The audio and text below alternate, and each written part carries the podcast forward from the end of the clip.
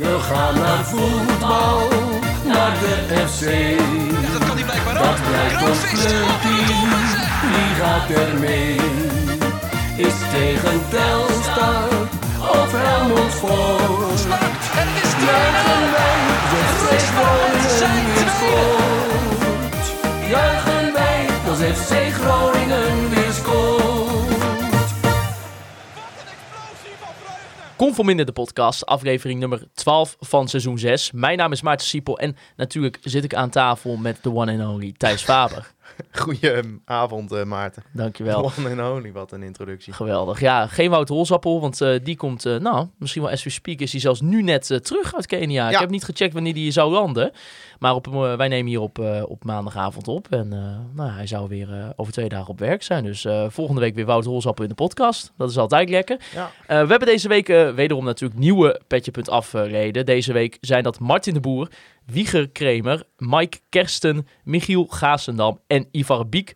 Bedankt voor het support van onze podcast. Er staat ook nog een nieuwe De Maan met Masker online die we vorige week opnamen. Heb je ervan genoten Thijs om het op te nemen met Wim? Altijd. Altijd, Altijd. hè? En, eh, ik ben vaker luisteraar dan dat ik erbij zit. Maar eh, deze keer zat ik er even bij als stand-in van eh, Wouter natuurlijk. Dus nee, was weer genieten. En volgende week eh, nemen we ook een nieuwe gehoord op de redactie op. Waarmee we met eh, Bas Kammerga, oud-werknemer van de FC, gaan praten over eh, de bestuurscrisis. Die er momenteel toch eh, gaande is bij FC Groningen. De RVC, het vertrek van Gudde. Het, eh, ja, we gaan het allemaal met, eh, met Bas bespreken. En eh, nou ja, toch een beetje zijn eh, geschiedenis rondom de club. Hij kan het zo vast eh, mooi eh, plaatsen. Heeft in wat het, eh, besturen meegemaakt. Dus, daarom, eh, daarom. Die, hij weet er alles van.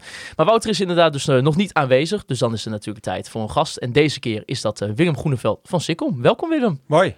Thijs, eh, jij eh, wou graag Willem uitnodigen. Ja, we zaten vorige week natuurlijk met Koert. Hè? Dus, eh, En op een gegeven moment, kijk, Koert die is natuurlijk hè, positief, genuanceerd ook nog wel tot een Oh, bepaald voor zijn niveau. doen was hij nog best wel... eh, Ja. Ja, we hebben hem uit de tent weten te ja. lokken. Hè? Goed zo. Eh, ja, mooi dat dat over is gekomen. Maar eh, die zal hè, nooit spelers afvallen. Toen dacht ik, volgende week moeten we dan gewoon weer even los kunnen. Weet je wat ik mooi vond aan Koert, wat hij vertelde? Dat hij nu pas echt supporter is geworden. Ja, Ja. Dat hij na zijn carrière op de tribune kwam en, en toen pas door had hoeveel die club eigenlijk betekende voor mensen. Ja, ja dat, dat liet hij ook niet onder stoel Nee, of bank, en toen eh, hij in die week. supportersrol zat, toen werd hij ook wel redelijk kritisch dat, dat hij het wel moeilijk vond dat zijn club kapot ging. Ja, ja, ja, want hij noemde opeens het woord passanten en zo. Ja, ik denk, nou, ja, eh, ik nou, koert. Gaat het wel goed, maar eh, ach ja. Ja, want en dat was natuurlijk ook zo. Eh, vorige week is Willem eigenlijk een beetje in de Radio Milko, werd hij eigenlijk een beetje in een hoekje gedrukt. Ja, ja, het was echt een hallucinerende uitzending. Jij bent gehoord. echt een beetje gepest, Willem. Nou, zo heb ik het niet ervaren. En ik snap Pomp ergens ook wel. Die wil vaak ook gewoon een beetje tegen de massa instra- eh, inzwemmen. En dat is op zich ook goed als journalist natuurlijk, dat je altijd de andere kant wil belichten. Ja. Ja. Dan gaat het water. Godsamme. nou, dat wordt beide straks.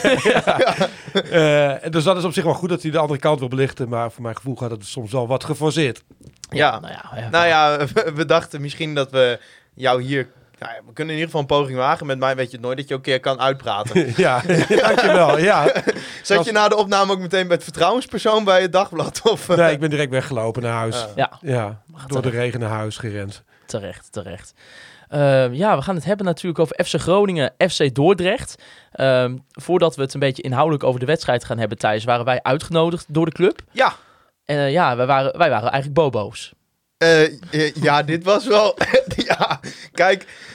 eh, om het, het het beeld te schetsen voor mensen. Wij zaten eh, in de businessclub voor het raam met uitzicht op het veld. En we kregen gewoon drie gangen, zeg maar. En dat was geen patat met frikandellen, eh, kan ik je wel vertellen. Nee, wat hebben, wat hebben we gegeten, Ja, Thijs? vooraf kregen we een, eh, een stuk pompoen, geloof ik. Met Lekker. een eh, tomaten, olijven, tapenade, achtig iets erop. En, eh, en wat, eh, wat groenten. Ja, was heel lekker.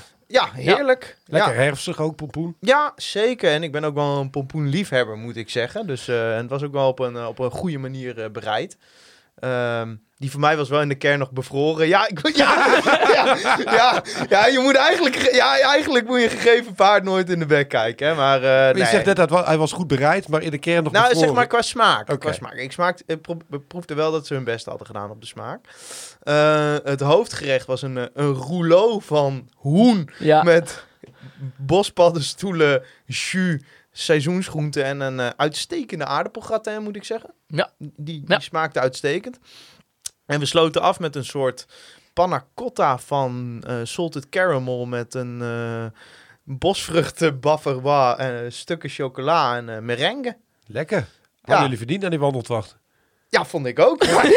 ja, dan zit je daar. ja, ze kwamen vooraf nog vragen of we ook gebruik wilden maken van het wijnarrangement. Nou, ik moest daarna nog rijden, dus dat heb ik niet gedaan. Maar ja, dat is een keer wat anders dan, dan een gehaktbal bij de waterloopmarkt. ja, ja, fantastisch. ja of, of een tosti met ketchup, ja. Nee, dat was eh, ja, uitstekend. Nee, Ik- en ik- daarvoor natuurlijk ook even een dankje naar eh, Henk Niemeyer. Want Ja. die heeft het eigenlijk wel een beetje 100%. zo eh, hè, voor ons op, op Ja, touw maar gezet. Waar was het voor? Omdat jullie vijf jaar bestaan. Nee, dat was, dit was echt voor, ja, voor, voor de, een soort gebaar terug, omdat we die 56 kilometer Oh, te gek. hadden. Leuk. Vorige week eh, wilde die ons toch nog even extra in het zonnetje zetten. Nou, dat werd zeer gewaardeerd. Ja, Eh, ik vond Goed het gedaan echt leuk. Man. Ja. Ja, maar dat is, ja, daar kun je Henk wel voor een boodschap sturen. eh. Maar ik vond het wel wennen. Ik dacht, ik dacht wel toen wij aan dat gedekte tafeltje zaten, dacht ik, ja, normaal gesproken zit ik mezelf nu helemaal vol te gooien met Bac- Bacardi Cola en, en bier. En ja, Ja. nu, nu zaten we hier. Het was, het was ook wel een beetje ja, raar. en dan word je door van die echt eh, eh, ja, strak in het pak eh, eh, obers en serveersters Ja. zo bediend. En dan, en, ja, dan zit je daar zo met, naar dat stadion te kijken terwijl dat vol druppelt. Ik heb, vind het ook altijd wel moeilijk als ik op de businessclub zit. Om dan zie ik door te denken. Ja, kijk, daar had ik eigenlijk gewoon tussen moeten staan. Ja, maar kijk, we hadden ons er nu op ingesteld dat het dit ging worden. Ik zit ook wel eens in de skybox bij mijn werk en dat is ook elke keer even wennen. Maar En daar staat de tap tenminste nog heel goed open. ja, in, in, de skybox van Toupé, ook sponsor van deze podcast, eh, weten Ja. ze wel hoe de tap werkt. Dat, ja. dat, dat verschilt niet heel veel van Noord. Nee, nee, nee. Sterker nog, dat gaat in een sneller tempo eh, af en toe. Nee, Nee. maar eh, ja, eh, Geslaagd. uitstekend. Ja, Ja, Eh, ja. elke week zou ik zeggen. Nou, en dan gebeurde er nog, nog wat eh, eh, voor de wedstrijd. We eigenlijk eerder al op, eh, op de dag. En eh, daarvoor gaan we even naar... Ja, hij is weer Ja, terug. dit is echt. Dit is lang geleden. Dit is heel lang geleden. We, zijn qua luisteraars echt wel flink gegroeid de afgelopen eh, anderhalf jaar. Veel ramptoeristen, denk ik. Nou, Ja. leuk dat jullie allemaal luisteren. Maar dit is voor de, de ouderwetse KVM-luisteraars. Ja, deze. voor de real ones. Get get up, get on up.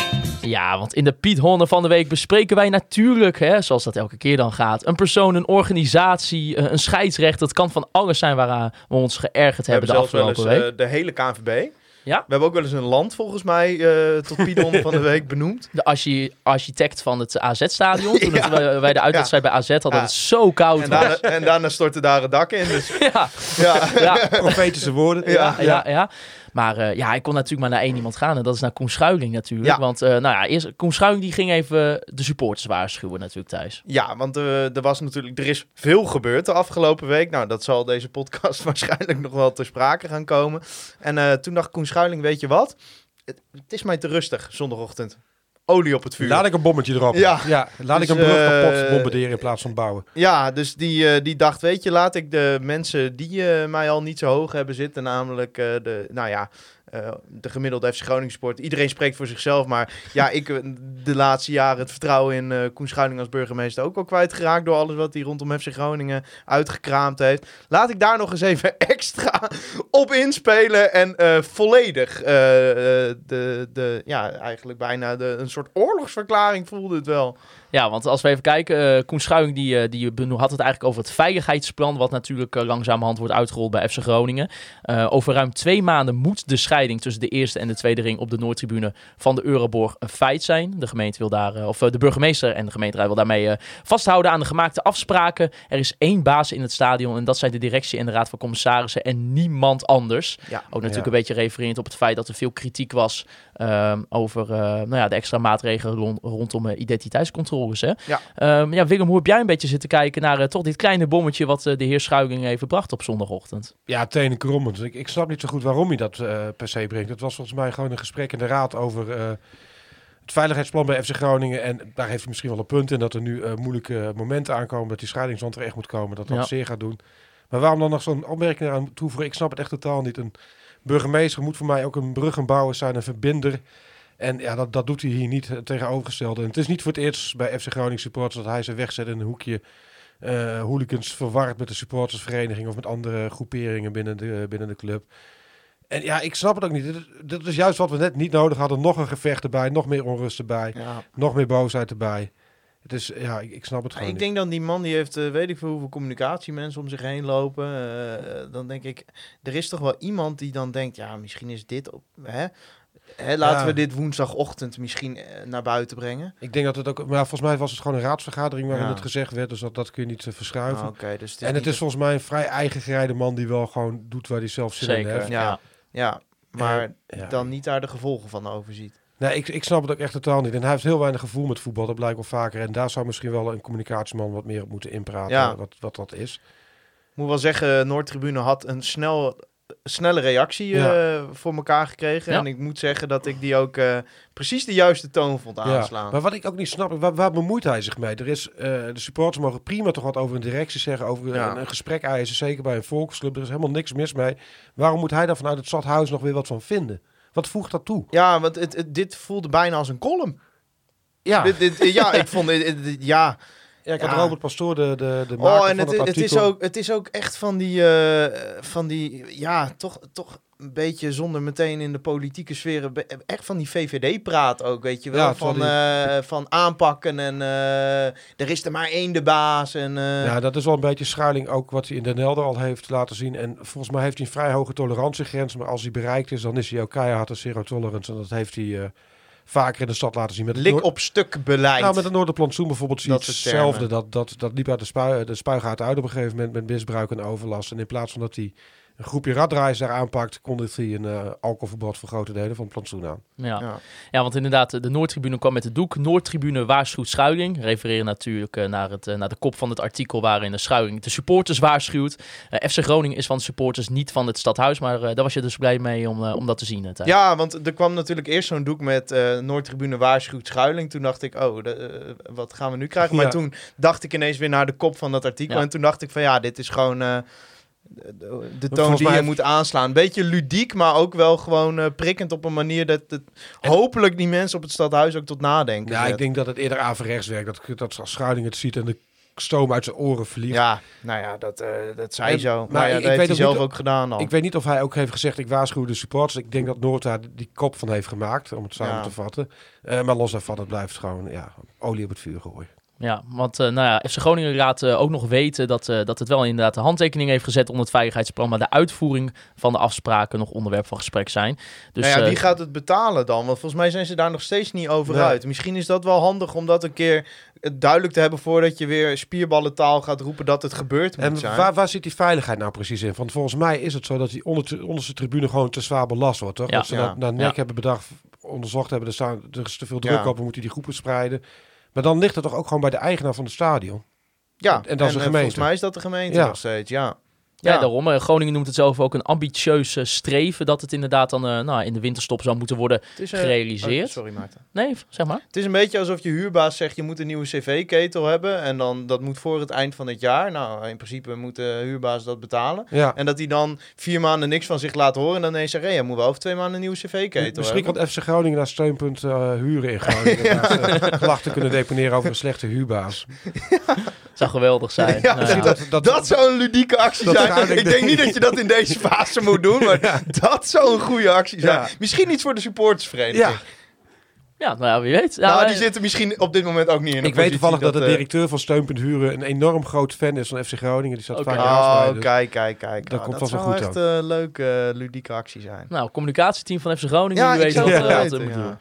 Nou, en eh, nog even ook wel een cult dingetje, eh, Thijs. Want eh, ja, de, de, er was een andere speaker in Ja. het stadion. Eh, en nou ja, die was ziek of iets anders. In ieder geval, die was er niet. En werd accountmanager, en wij kennen hem ook, Duncan, Duncan Hoeperts. Die werd Ja, nou, s ochtends gebeld, wil je het doen? Vandaag. Had hij Ja. ook zijn eigen muzieklijst meegenomen van de nacht ervoor? Ja, ik hoorde, nee, er, er was veel de kritiek op. Ik kreeg dat niet helemaal mee. Ja, ik hoef op zich Irbien wie doe en eh, wat, wat werd er nog meer gedraaid. Had je voor de sfeer toen ik ja, binnenkwam kom lopen. op, man. Ja, ja maar de, ja, nou, de stadion-dj, ja, nou ja, eh, laat maar. Hè? Eh, ja, er zijn wel mensen die hun werk slechter doen bij FC Er Groningen. zijn dan grotere problemen. Ja, ja. je kunt moeilijk als je veertiende staat in de KKD over de stadion-dj Ja. gaan klagen. Maar, eh, nou ja, Duncan, ja, hij kreeg wat kritiek, maar... eh, Ik vond dat hij... Ja, wij zijn niet prima. helemaal objectief natuurlijk. Nee, wij kennen ik Duncan, vond het- dus, ik vond het eh, geweldig dat ik Duncan heb het niet deed. gehoord dat Duncan het was. Nee, Maar nee hij ik ook niet. Hij moest het mij vertellen. S ochtends geappt of gebeld, wil jij Ja. dat doen? Ja. Ja, nou, en hij moet wel zeggen, hij had een paar, eh, paar namen van Dordrecht, dat hij die op een lijstje zag. Als je denkt, oh shit, als die erin komen, dan, ik, ben, dan ben ik de Sjaak. Maar had hij nog even droog geoefend dan drie uur van tevoren? Ja, dat denk ik. Ja, hij was in ieder geval blij, zei hij tegen mij, dat hij het niet eh, de avond van tevoren wist. Want dat hij waarschijnlijk niet geslapen van, eh, van, sommige namen. Maar, het is eh, dus blijkbaar toch een vak. Ja, Ja. ja, want eh, ja, hè, de kritiek was dat het een beetje monotoon was. Ja, maar man. misschien is dat het contrast met die eh 538 DJ die we normaal hebben wel... eh, Die extreme zit weer. ja. eh, Mooi! Ja. Nou, dus ja, nou ja. we- Come on, FC! Misschien kunnen, kunnen ze samen een middenweg vinden. Dat, eh, dat zou mooi zijn. Nou ja, dan eh, toch eh, na de wedstrijd. Want eh, bij FC Groningen was er nog wel wat, wat veranderd in de opstelling. Leandro Bacuna was niet fit genoeg. En dat betekende dat Jorg Schreuders mocht gaan spelen. Eh, daarna stonden Tom van Bergen en Romano Postema samen voorin. Nou ja, in de basisopstelling zaten dan vijf spelers uit de opleiding. Met nog Prins Valente.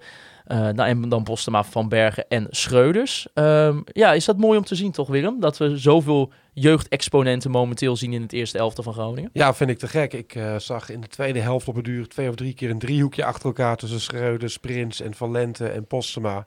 Ja, daar ben ik wel blij van. Maar ja, het eind van de wedstrijd staat het 2-2 en dan, ja. ja, dan heb je daar ook niet zoveel meer aan. Maar ik, ja, ik word wel blij van die. eh, Ik, wat ik vooral frappant vind is dat Kevin van Veen voor veel geld is gehaald, Emmeran is voor veel geld gehaald, Mertens voor veel geld gehaald. Hij mag ook kosten niks, maar... eh, Maar wel in salaris is hij Ja. wel hoog in de boom, denk ik.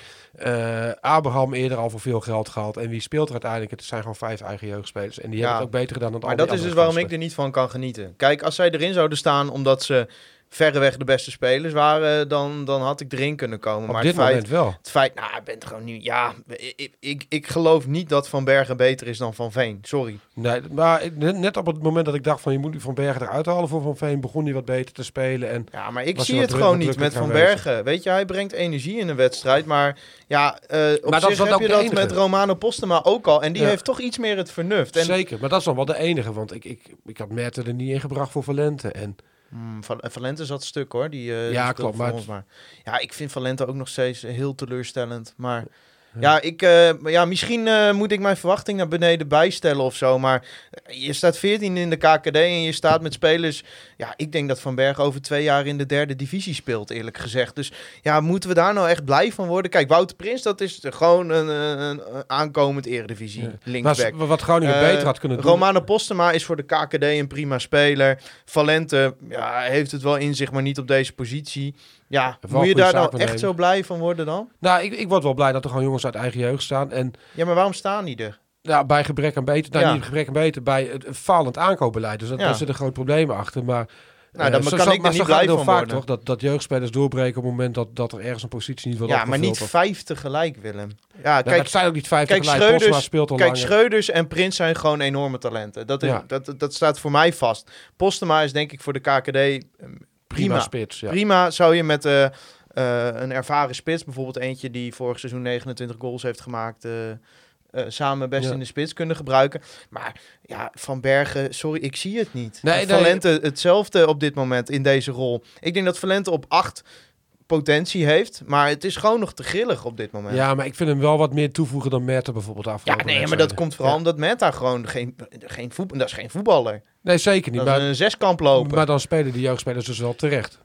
Nou, ik Behalve vind Van een- Bergen misschien ja. versus Van ja, Veen. nee, nee, klopt, klopt. Ik, ja, maar dat betekent niet dat ik er blij van word. Kijk, van, van Schreuders word ik blij. Nou, laten we daarvoor, van laten we daarvoor hè, voor een stukje positiviteit. Wouter Prins word ik blij, omdat dat Maar gewoon... Postma speelde ook een prima Ja, wedstrijd, ja, toch? Postema word ik ook blij van. Dat wilde ik net zeggen, die moet je ook gewoon laten staan. Maar En ook gewoon als diepe spits. Van Bergen, daar kan ik heel moeilijk blij van worden, eerlijk gezegd. Ja, Ja. weet je, die jongen werkt keihard hoor. Dus Ja. dat, dat, laat daar geen. En, en tuurlijk eh, hoop je, het liefst elf Groningers in de basis, weet je wel.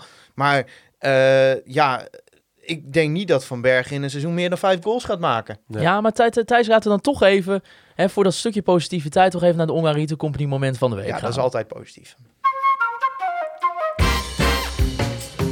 Het Online Retail Company moment van de week.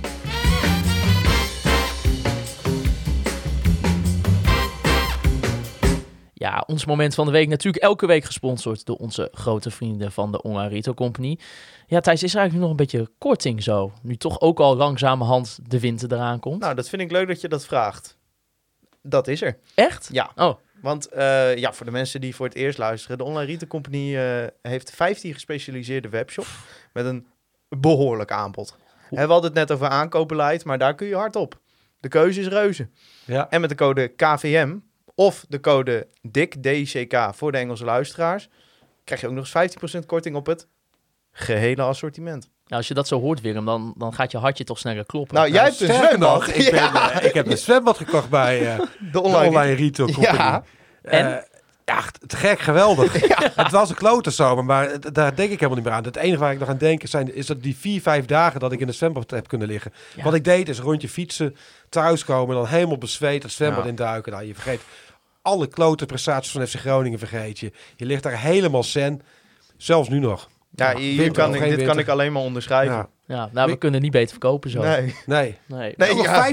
15% korting, toch? Ja, Ik- die, ik die had heb je ook 15. gebruikt, Ja, toch? ja, zeker. ja. Ik had ze allebei ingevuld Ja. in de hoop dat het 15 op 15 Ja, werd. nee, nee. Dat was niet nee, zo. Het is, het is, kijk, ze geven het al praktisch gratis weg, maar ze moeten er niet verliezen. En de service, verliezen. hè. Het was in hoog zomer bestelde ik hem. Lange wachttijd. Dus ik was al bang van dat komt pas ergens in augustus. Ah, drie dagen later. Ja, ja, en die Ja. korte lijntjes, hè? Ja, ja, ja, ja, direct even niet. Tel- Telegram groep even Ja, ja, ja, ja. Ja, dat is Ja. Online Retail Company. Geweldig. Ja, Ja, nou, nou, ik zou er zo nog een uur over willen doorpraten, maar ik heb toch ook nog een script. Eh, want Thijs, ja, Schreuders, hij mocht al invallen tegen Ja. Rijnsburg. Ehm, heel erg goed. eindelijk ook weer een basisplaats na zijn eh, slechte optreden, toch wel tegen Jong Utrecht. Dat gaf hij zelf ook al aan. Uh, Magna Langjan was toch wel benieuwd, hoe kijken jullie naar het optreden van Schreuders? Dat is toch leuk om te zien, Ja. zeker met die voorbereidingen die ja die kijk, draaien. dat is nou een voorbeeld van een jeugdspeler die wat toevoegt. Kijk, die andere jeugdspelers die staan er omdat de rest nog slechter is. Maar Schreuders, Prins, geldt hetzelfde voor. Ik noem hem nog maar eens een keer. Postema. Het zijn alle drie gewoon basisspelers, toch? Ja, zijn dat de drie eh, spelers dan uit de jeugd die momenteel echt wat toevoegen, vind je, in de, in de basisopstelling? Ja, maar ik ben het niet helemaal met Thijs eens. Ik denk als hij een goede linksback had gehad, eh, beter dan Merten, dan had Prins waarschijnlijk ook nog niet gespeeld.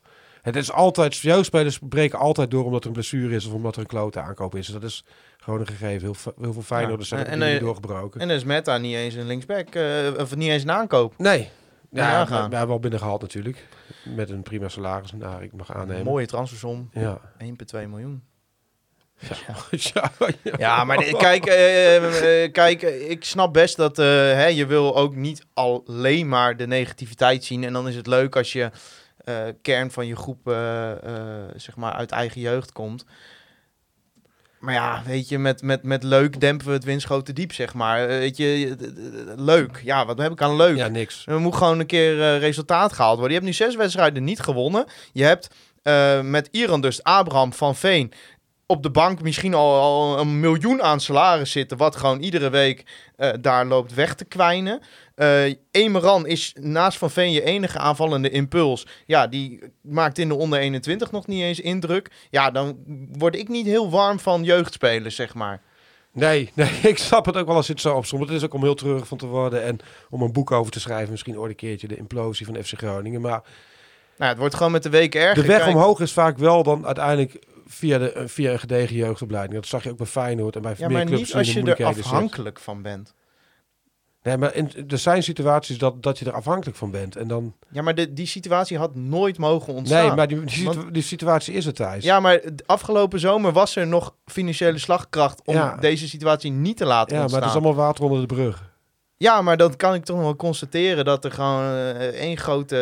en want dat constateren we nu al week op week op week op week. ja, op week. maar ik word er gewoon een beetje gek van dat ik dan... eh Lukien doet dat in interviews na de wedstrijd. Dan wordt zo over gepraat. Nou, we hebben wel geprobeerd het publiek te vermaken vandaag. Is, is daar waar de lat ligt? Nee, maar- Ik ga naar Dordrecht thuis en ik hoop dat het niet 0-3 wordt. Nee, en dat is niet, en dat is niet omdat ik cynisch ben, maar omdat Dordrecht vijfde staat. En Ja. in dat eerste kwartier kijken wij elkaar aan en zeg ik... spelen wij tegen Dordrecht of tegen Ajax vandaag? Word je Dordrecht er helemaal weggespeeld. Ja, de eerste- eerste 10, Ongelooflijk. 15 ja, minuten. ja. je hebt echt massa dat Postema die corner erin knikt. Want anders was het gewoon 0-3 geworden. Ben heilig van overtuigd. Ja, ja, maar ja, als, Ja, het is, als- het is, het God was- geklaagd, Willem. Het is een schande, de Zeker. staat van de club. Maar Echt waar. En dan moet ik een beetje blij worden omdat ik een leuke wedstrijd heb gezien.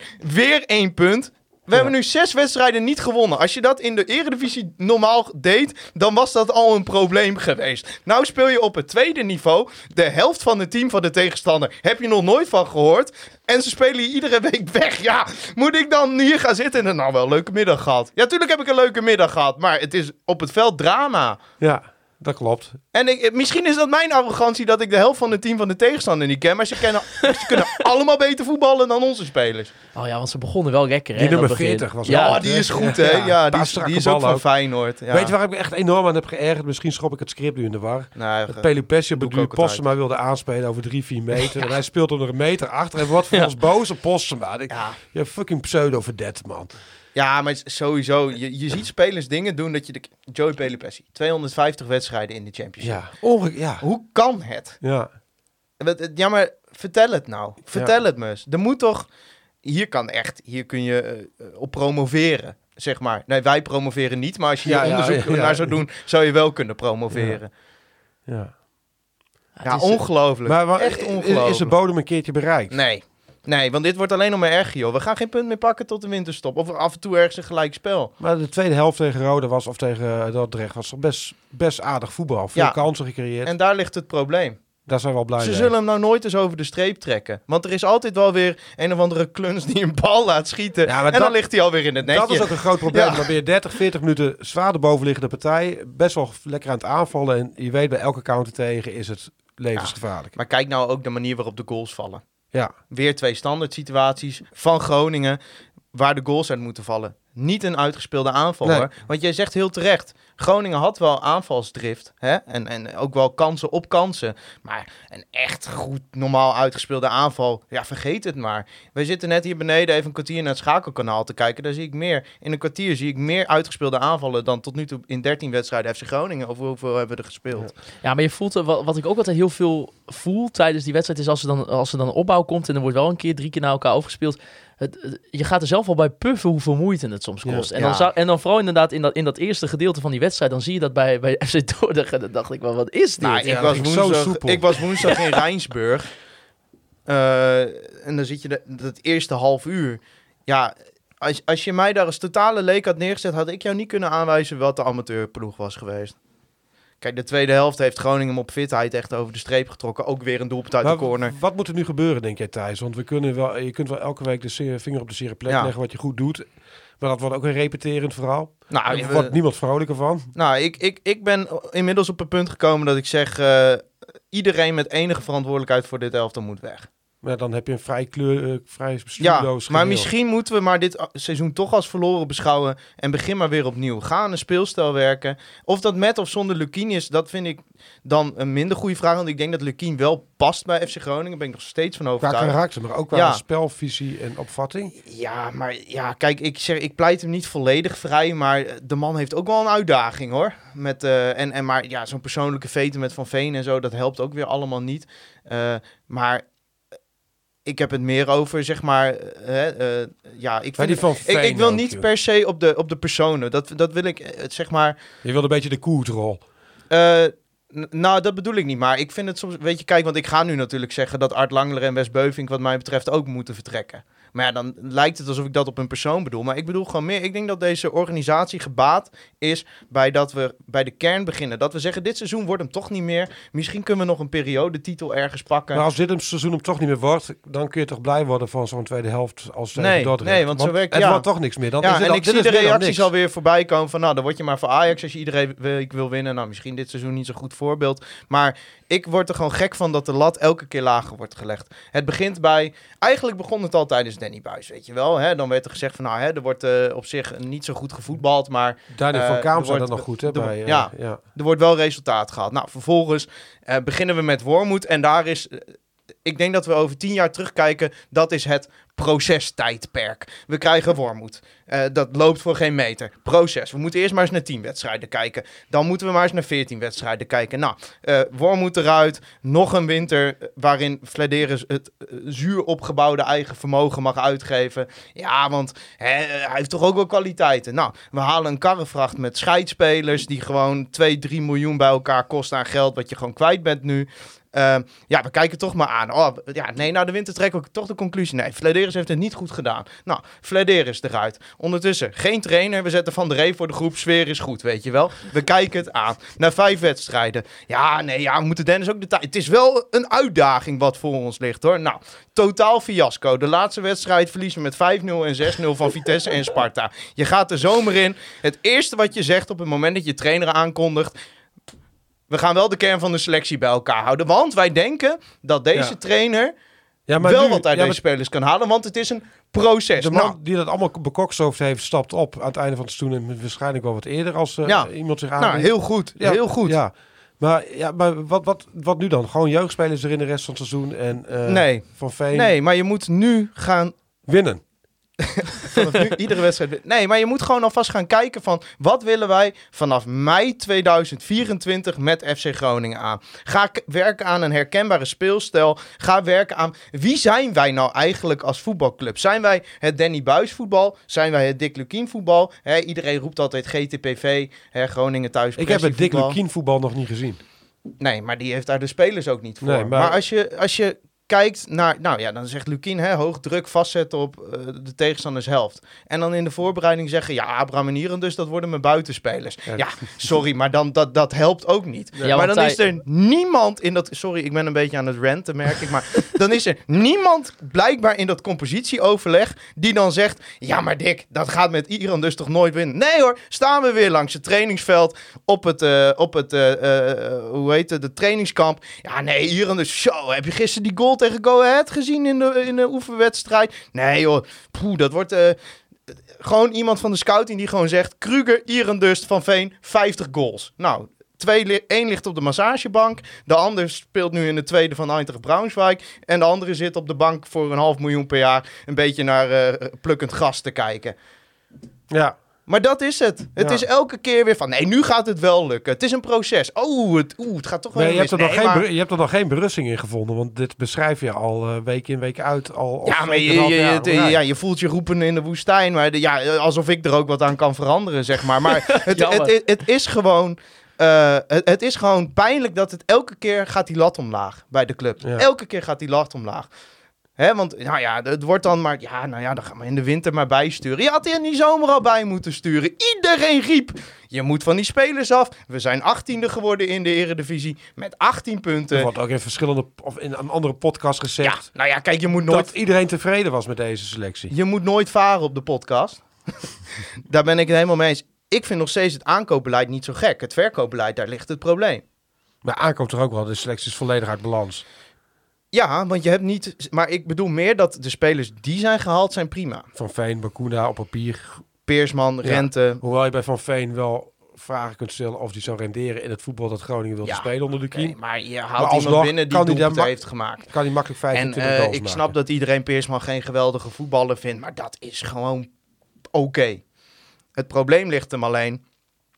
eh, ik heb laatst een interview met Gudde. Ik heb een beetje onderzoek gedaan. Die zegt dan ja, Pek Zwolle en Heracles, die hadden goals. Dus wij hebben goals nodig. Ja, dat kun je toch... Oh, mijn telefoon ligt in jouw water. Ja. Dus ja. Eh, we hebben goals nodig. Maar dat kun je toch totaal niet rijmen met het aankoopbeleid? Je Nou, kunt toch niet zeggen, goals, nou? Hè, we, we kopen voor een half miljoen kopen we van Veen. Die geven we een half miljoen per jaar. En dan hebben we de goals binnen.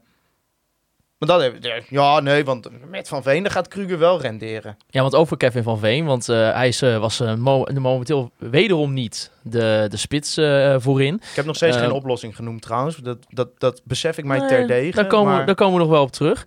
Ehm, ja, allereerst Martijn de Haan die was benieuwd of eh, jullie ook vinden dat Lukien te lang heeft gewacht met het brengen van Van Veen in de wedstrijd tegen Dordrecht. Ja, want hij moet beginnen. dat, daar begint, Ja, gaat ja. het al fout. Daar ben ik het ook mee eens. Ja, Want- maar kijk, het is niet alsof hij een onuitwisbare indruk achterlaat. Maar ja, dan zie ik naar, dan zie ik naar Van Bergen te kijken. En dan denk ik, ja... Ik snap wat je bedoeling ermee is. Hè? Het is een beetje zo'n brugklasse die op, op de gang heen en weer rent. En vervelend en irritant is. Ja. En de klas, klasse van de les houdt. Gebrek aan basistechniek, creëert niks. Ja, kan hard lopen. Maar het is gewoon een, een, een mindere versie van Postema. En die staat er al in. Maar wa- waarom speelt Van Veen niet? Wat is daar gebeurd? Ja, dat, dat moet toch iets persoonlijks Is zijn. dat, want hij had, op de duur had hij voorzichtig wat kritiek op Lukien. Hè? Op de, de, of in ieder geval niet rechtstreeks, maar op de speelwijze, op de manier waarop hij werd gebruikt. Dat het anders moest. Zou, zou Lukien dat hebben opgevat als een Nou, soort aanval? Lijkt mij niet. Maar wat is- Ah, ze, is toch- ze, ze blijven zeggen dat, dat hij gewoon te weinig, eh, eh, te weinig ja, de- druk levert Ja. hè, op, eh, op de verdediging. maar dan gooi je. Lien Ja. erin. Die doet, doet dat ook niet echt. Die had vorige wedstrijd 13 balcontacten waarvan hij er 12 inleverde. Ja, Ja, voor mij moet hij er ook in. Maar ja. hè, dus daar moet je ook minder van verwachten. Nee, maar bijvoorbeeld, we hadden ook Ja. meerdere luisteraars die daarna vroegen. eh Roelof Rubing, die zei ook, ja, je moet hem eigenlijk al puur voor de goals brengen. Daarvoor is hij toch gehaald. En bovendien hebben we verder geen afmakers in het Ja. team. Want dat merk je ook toch wel. Hè? We missen afmakers voorin. nou ja, karakters. eh, dat was in Rijnsburg ook een paar keer. Daar kwamen we gevaarlijk door aan de zijkant. Met name Van Gelderen speelde een goede wedstrijd eh, in Rijnsburg. En dan elke keer zeg je tegen elkaar... Ja, het zou wel fijn zijn als er ook een keer een spits staat. Maar die staat er niet. Want Van Berg is niet goed genoeg. En Postema die heeft het veel te druk met die meters maken. Dit gezegd hebben, daar waar ik me wel aan erger bij Van Veen, daar hebben we het vorige week ook al over gehad, is de social media gedrag. Ah, dat is En verschrikkelijk. dat naar om zich heen staat. En, ook, en dat is, slaat misschien nergens op, maar ik, ik hekel sowieso al het Brabants accentjes. Kevin van Veen heeft het meest nare accent van heel Brabant. Dat is echt verschrikkelijk. En die moet gewoon goals maken en Ja, eh, verder niks. En dan verhaspelt hij ook nog elk interview 16 spreekwoorden tot het nieuw gezegde. Als hij die allemaal op een rij zet, dan Ja. heb je een nieuwe songtekst En, eh, van nog- Bluff ongeveer. nog een paar Engelse woorden er doorheen. Ja, ja, tenenkrommend. Nee, maar kijk, Van Veen, eh, het is niet alsof je zeg maar Ibrahimovic in zijn prime op de, op de bank houdt. Maar ik denk wel dat in de situatie waarin je nu zit, eh, je hebt iemand in de selectie die wel bewezen heeft ooit doelpunten te Ja. kunnen maken. Sorry. Ehm, dan moet je die altijd opstellen, zeg maar. Dat is, dat is mijn mening. En ik denk, ik denk dat die vuile meters die die niet maakt, ja, daar is het ook niet de spits naar. Als je twee spitsen had willen halen die vuile meters maken, had je misschien niet een opportunistische spits uit Schotland moeten halen. Hè? Nee. Maar ja, dat gaat natuurlijk, zo'n compositieoverleg is ook moeilijk. Hè? Daar zitten allemaal mensen met Kun je heel nog eens een keer schetsen hoe dat gaat, zo'n compositie? Dat, dat was Dat ongeveer heb een de beste eh, stukjes eh, Dat heb ik eh, beloofd dat ik dat nooit meer die imitatie ging doen. Ik vond hem erg sterk. Het was Ja. richting bijna het niveautje Marcel van Roosmalen, zoals dat getypeerd Nou, dat werd. neem ik als een compliment. Ja. Maar in ieder geval, ja, hè, dat compositieoverleg waar ongelooflijk veel voetbal-know-how zit, als ik Wouter Gudde moet geloven. Dus, maar, ja, die zijn blijkbaar tot de conclusie gekomen dat aanvallend dit wel voldoende was. Wat, wat is er nog over van het compositieoverleg nu Gudde weg is? En stel je dan voor dat Lukien straks ontslagen moet worden omdat het echt niet te doen is. Wie gaat dat doen? Er is echt zo enorm vacuüm eh, op dit moment. Ja, maar dat, dat is de situatie op dit Ja. moment gewoon, ja. En, en tot die tijd zit Gudde er nog. En, en tot die tijd, nou, het, het geld wat nog over is, wat we nog kunnen besteden deze winter, gaat door dezelfde mensen besteed worden die ons deze selectie hebben aangedaan deze zomer. Dus Ja. dat is eh, Ja, want stel een voor, stel, ongelooflijk opbeurende gedachte. want stel voor als je Heb nou... jij, eh, ja, inderdaad. Geef jouw jas maar even om dit droog te maken. Je hebt gaat dit ook verder, hè? aangericht. Ongelooflijk. Maar als je nou, hè, stel voor je gaat in de komende tien Ja, dan maak ik wedstrijden... er ook gebruik van. dit is echt dit is gewoon, gewoon, eh, gewoon de Noordzee op tafel Ja. hier. Bizar. Maar bijvoorbeeld, als je stel voor je gaat in de komende tien wedstrijden, ga je er, ga je er drie winnen, ik noem maar wat. Hè? Ehm, Positief. op wie moeten we nou dan... Ik bedoel, want Gudde heeft nu zijn vertrek aangekondigd. Ja. Op, op wie Ja. moeten we nou Nee, nog boos kijk, worden? Wie is op de pispaal? Je hoeft ook niet altijd, maar er hoeven niet altijd koppen te rollen. Maar ik vind het wel heel logisch dat de man die eh, iedere stap in het proces van deze totale ineenstorting van de voetbalbolwerk eindverantwoordelijk is geweest, dat die opstapt. Ja. Was niet meer te houden ook. Nee joh, maar nou, we zullen het er zo nog uitgebreid over hebben. Maar dat was gewoon een doodlopende straat in welke rol dan ook. Ja, want toch nog even een deel over die wedstrijd. Bijvoorbeeld Stefan Breken zei in het interview eh, met Dick Lukien... eh, dat Stefan wel vond dat eh, het gevoel er was dat FC Groningen voor het eerst eigenlijk dit seizoen... eh, de wedstrijd over de streep zou gaan trekken. Is dat niet toch nog het stukje perspectief wat we de mensen kunnen meegeven? Dat ja, je dat nee, had? dat had ik ook. Dat, daar moet ik eerlijk in zijn. Dat had ik dus niet. Ik, dacht, toen die 2-1 viel, dacht ik deze trek over de streep. En toen zat ik alweer wat voor me uit te staren. Voordat ik wist, lag de 2-2 er al Maar hoe, in. hoezo denk je dat? Want het hele seizoen is Groningen al kwetsbaar. Zo verdedigend, zo ongelooflijk kwetsbaar. En ook tegen Dordrecht, elke counter was gevaarlijk. Ja, En we nou, hebben twee ongelofelijke hampels af, eh, daar, daar staan met Peersman en Balker op dit moment. Ja, het was wel sneu voor Peersman dat hij eerst scoort... en dan eh, een paar minuten later Ja. eh, gebeurt dat weer. Ja, ja, dat is het, wel is, sneu. het is... Ja, maar kijk. Wij zijn op een gegeven moment als club op sportief vlak in de hoek waar de klappen vallen beland. Het begint nu een beetje sneu te worden. Je ziet ook van die reacties op internet en zo van mensen van... Nou, ik vond het eerst wel grappig dat dat Groningen zo eh, naar de kloten ging. Ja. eh, maar eh, ja, ik begin het nu ook wel een beetje sneu te vinden. Ja, dat is het allerergste. Me- Medelijden uit Enschede en Heerenveen, dat is al het laatste waar ik op zit te wachten. We, zijn, we zitten niet echt meer in de hoek waar de klappen vallen, maar we zijn een beetje die gast met American History X die dan met zijn hoofd op de stoepkant ligt en waar nog een trap op terecht komt. Ja, Ja. ja. Ja. het is gewoon... ja, al, ja, eh, ze zeggen wel eens when it rains it pours, om er maar eens een mooie Engels gezegde tegenaan te gooien. Dankjewel Kevin jou. van Veen. Ehm, maar bij Groningen is het gewoon natuurlijk al twee jaar. eh, Ja. ja, ik, ik, vond het maar. nog redelijk druk eh, in het stadion gezien, de sportieve Ja. malheur. Nou, daar ligt het niet aan, hè? Nee.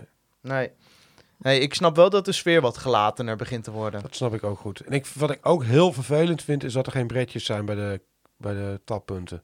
Ja. Je moet dus, als je meer dan vier biertjes meeneemt, moet je twee keer lopen. Ja, of zo ja, ingewikkeld. ja. En daar hoor je de mensen niet over. Nee. hè? Kijk, dan kunnen we het wel over dat compositieoverleg Dit hebben. maar- zijn de echte problemen. Ja. Zijn hele grote problemen. het klopt niet. Nee, het klopt niet. Eh, toch wel even nog uh, Hidde Jurjes. Er staat eh, momenteel nu ook al vier wedstrijden onder de lat. Ehm, is hij wel eh, tot nu toe wel gewoon een verbetering Ik gebleven voor eh, Michael Frips? complete jas aan het doorweken maken Ja. op dit Het moment. is niet echt een goede handdoek, hè? Nee, het neemt weinig water op. Dat is misschien Ja. ook de bedoeling van een jas. Eh, Ja, ik word hier zeiknat, jongens. ja, maar- sorry. Stel Willem even een vraag, ik ga even snel een Ja, handdoek ja. Eh, Hidde Jurrius. Jurjes, vier wedstrijden. Ehm, ja, maakt hij een betere indruk dan Michael Frips? Ondanks toch wel het momentje even bij de eerste goal. Ja, absoluut. Want je ziet hem ook daarna vrij snel weer herpakken. En hij, eh, hij, hij manifesteerde zich vervolgens ook in de wedstrijd. Hij straalt ook veel meer uit. Ja. Eh, hij is voetballend veel beter. Hij heeft echt een best wel goede strakke paas. Ook over eh 40, 50, 60 meter in de benen. En eh, ja, het is niet zo'n dood, dood vogeltje. Bij Verhips, bij elke tegenslag kruipt hij het liefst het luikje in en verdwijnt hij eh, voor de goal. Ik vind Verbaal ook beter in Ja. de interviews als je kijkt. Ja, ja, klopt. Hij komt beter uit zijn Ja. woorden. En er, ja, er staat gewoon veel meer eh, keeper. En het was ook wel een heel groot talent altijd vroeger natuurlijk. En je ziet bij keepers vaak dat het wat, op wat latere leeftijd er misschien nog een keertje uitkomt. Dus ik denk dat, zeker voor de eerste divisie waar we nu in zitten, dat het echt gewoon een prima keeper is. En eh, om in de geest van de podcast te blijven, dat is niet ons grootste probleem op dit moment. Nee, nee, maar toch, het is wel altijd lastig, weet je wel. Want wij zeiden eigenlijk ook op het moment dat Michael Verrips de, eruit werd gehaald... van ja, moet je dan nou wel doen, weet je wel? Een keeper wisselen. Ja, maar het heeft eigenlijk, in dit geval heeft het wel goed uitgepakt tot nu toe. Qua resultaat nog niet, maar Nee. wel qua gevoel. Ja, Eh, Maar ik vind dat zo'n gekke dogma. Waarom zou je niet een keeper kunnen wisselen?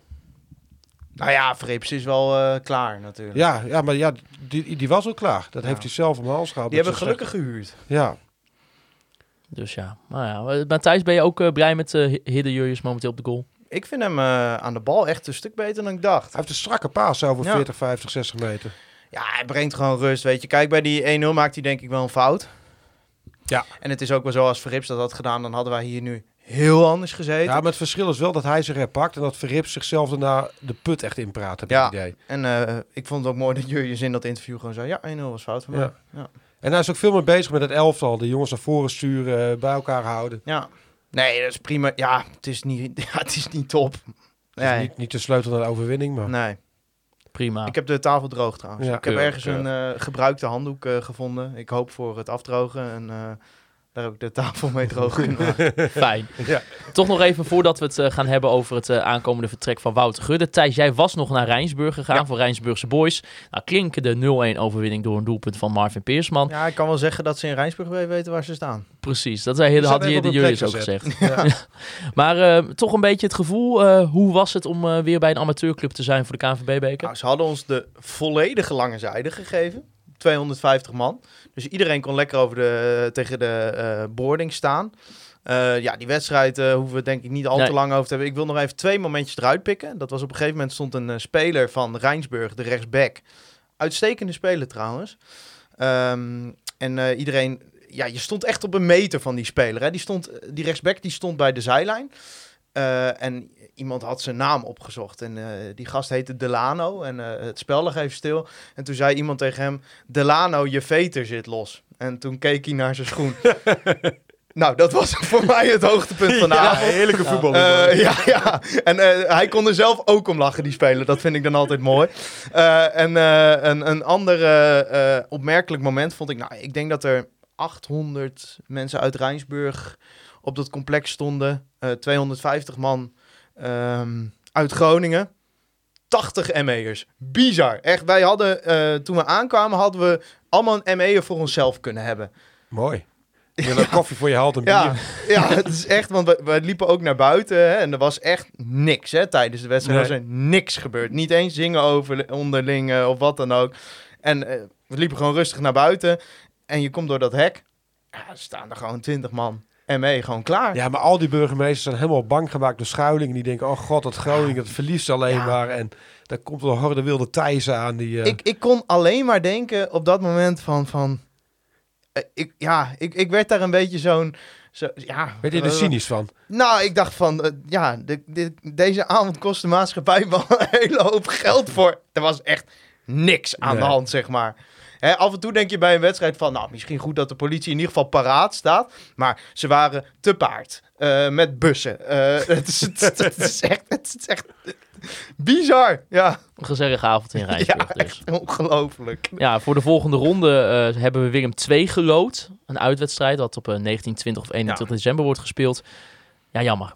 Ja, dat is jammer. Eh, ten eerste omdat je daar gaat verliezen, maar ten tweede omdat, eh, ja, ik vind zo'n amateurclub en dan uit, ik vind Ja. het toch wel leuk. Je komt op complexen waar je nog nooit bent geweest. Dat is in de KKD ook wel zo. Ik bedoel, het Frans Hezen stadion eh, had ik eh, tot nu toe altijd overgeslagen, maar... eh Zijn Willem 2 bij jou geweest? ja, Ja. ja. wel echt een leuk uitvak, eh, totdat ze er een plexiglas voor gezet hebben.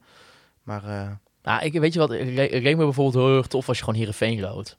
Op En dan dinsdagavond. En dan nog gewoon uitschakelen met een... Ja, dat, lijkt me, ja, dat Ja. was heel leuk geweest. Ja, dat, de, ja Twente heeft dat natuurlijk in eh, hun eh, KKD-seizoen gehad, dat ze ons, eh, ons loten. dus ja. glas Loop je nou alweer met dat glas te zwaaien? Hij is gelukkig leeg. Hij is gelukkig leeg. Ja, maar toen, eh, ja, Twente loten natuurlijk ons in hun KKD. Ja, nou, we weten Ja. allemaal hoe dat is afgelopen. Ja, toen stond er een harde voor uh, Nederlandse kop te schreeuwen, toch? Ja, Misschien een mooi bruggetje. Ja, nou ja, hartstikke mooi. Want eh, Wouter Gudde, die stopt. Of eh, die gaat in ieder geval aan het einde van het seizoen uiterlijk eh, weg bij FC Groningen als algemeen directeur. Eh, de voorzitter van de Raad van Commissarissen, Erik Mulder, en commissaris Berend Rubing leggen per direct hun functie neer. Nou ja, een beslissing die is genomen om de rust bij de club te laten terugkeren. Wouter Gudde die reageerde op, op de website van de FC. Die zei: Het lijkt mij het beste voor de continuïteit van de club dat ik mijn vertrek aankondig. Alle hoofdverantwoordelijken voor de degradatie zijn weg of gaan weg. Het enige en allerbelangrijkste is daarom nu dat alles en iedereen zich achter de spelers en de nieuwe technische staf gaat scharen om met elkaar de weg naar boven te vinden. Ja, eh, Willem, hoe eh, reageerde jij eigenlijk in eerste instantie op dit, eh, nou, toch niet te verwachten vertrek in ieder geval in die zin dat, het, eh, dat we dat aan, aan het einde van vorige week zouden horen, Nee, denk dat, ik. toch wel ergens een beetje een chroniek van een aangekondigd afscheid, maar ook wel weer eh, plotseling en als donderslag bij heldere hemel. Ja, Eh, het, het ziet hem denk ik ook wel. Het tekent ook wel zijn karakter dat hij nu eh, voor zichzelf beslu- besloten heeft eh, dat hij niks meer toevoegt en dat hij maar moet weggaan. Eh, ja, ik vind ja, het kent eigenlijk alleen maar verliezers. Ik, hij heeft heel veel verkeerd gedaan. Thijs heeft het net allemaal vrij goed en adequaat opgezomd. En die lijst is nog veel groter, dus het, het kan niet anders. Maar het is voor hem zelf treurig. Het is eh, voor zijn gezin treurig, die er behoorlijk in meegeschrokken zijn. Het is voor de club niet fijn. En het is, eh, maar dat heeft hij ook zelf gedaan, zijn eigen goede werk. want hij heeft best ook wel veel goede dingen voor de club gedaan. Ja. Maar ja, dat wordt ook allemaal weer niet gedaan door ja. de, de malheur waar de club nu in zit. maar dat, het heeft totaal geen zin. Al die dingen die je goed hebt gedaan, als je de club slechter achterlaat dan hoe je hem hebt Ja, aangepakt. het is een beetje net zoals de Titanic. Je kunt hem heel mooi schoongehouden hebben, de beste Ja. band hebben neergezet, eh, Ja. de verse bier in de tap hebben. Maar ja, als je tegen zo'n ijsschots aanvaart, Nou dan ja, eh, kijk- is dat allemaal voor niks geweest. We kunnen wel een kleine opsomming maken. Eh jij had ook een, eh, een goede column geschreven, moet ik zeggen, eh, Willem. Dank u. Eh, het is een, een zelffelicitatieshow. Ja.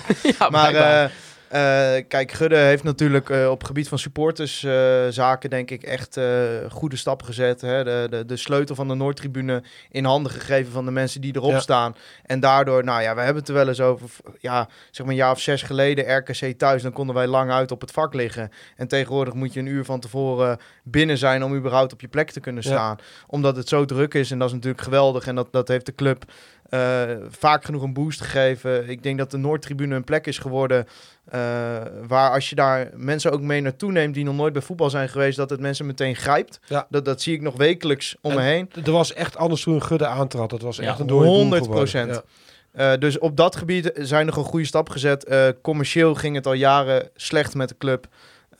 Ondanks dat er een verhaal werd opgehouden dat het niet zo was. Ja, daar heeft de club gewoon wel een enorme boost in gehad. De, de omzet die binnenkwam vanuit de commerciële tak is, is alleen maar gestegen onder eh, het beleid van Gudde. Dus Ja, daar zijn... eh, goed door corona geloodst. als een van ja. de betere clubs in Nederland, denk ik. Ja, 100%. En daar ook inderdaad die saamhorigheid met supporters en zo. Dat, dat hebben ze allemaal uitstekend aangepakt.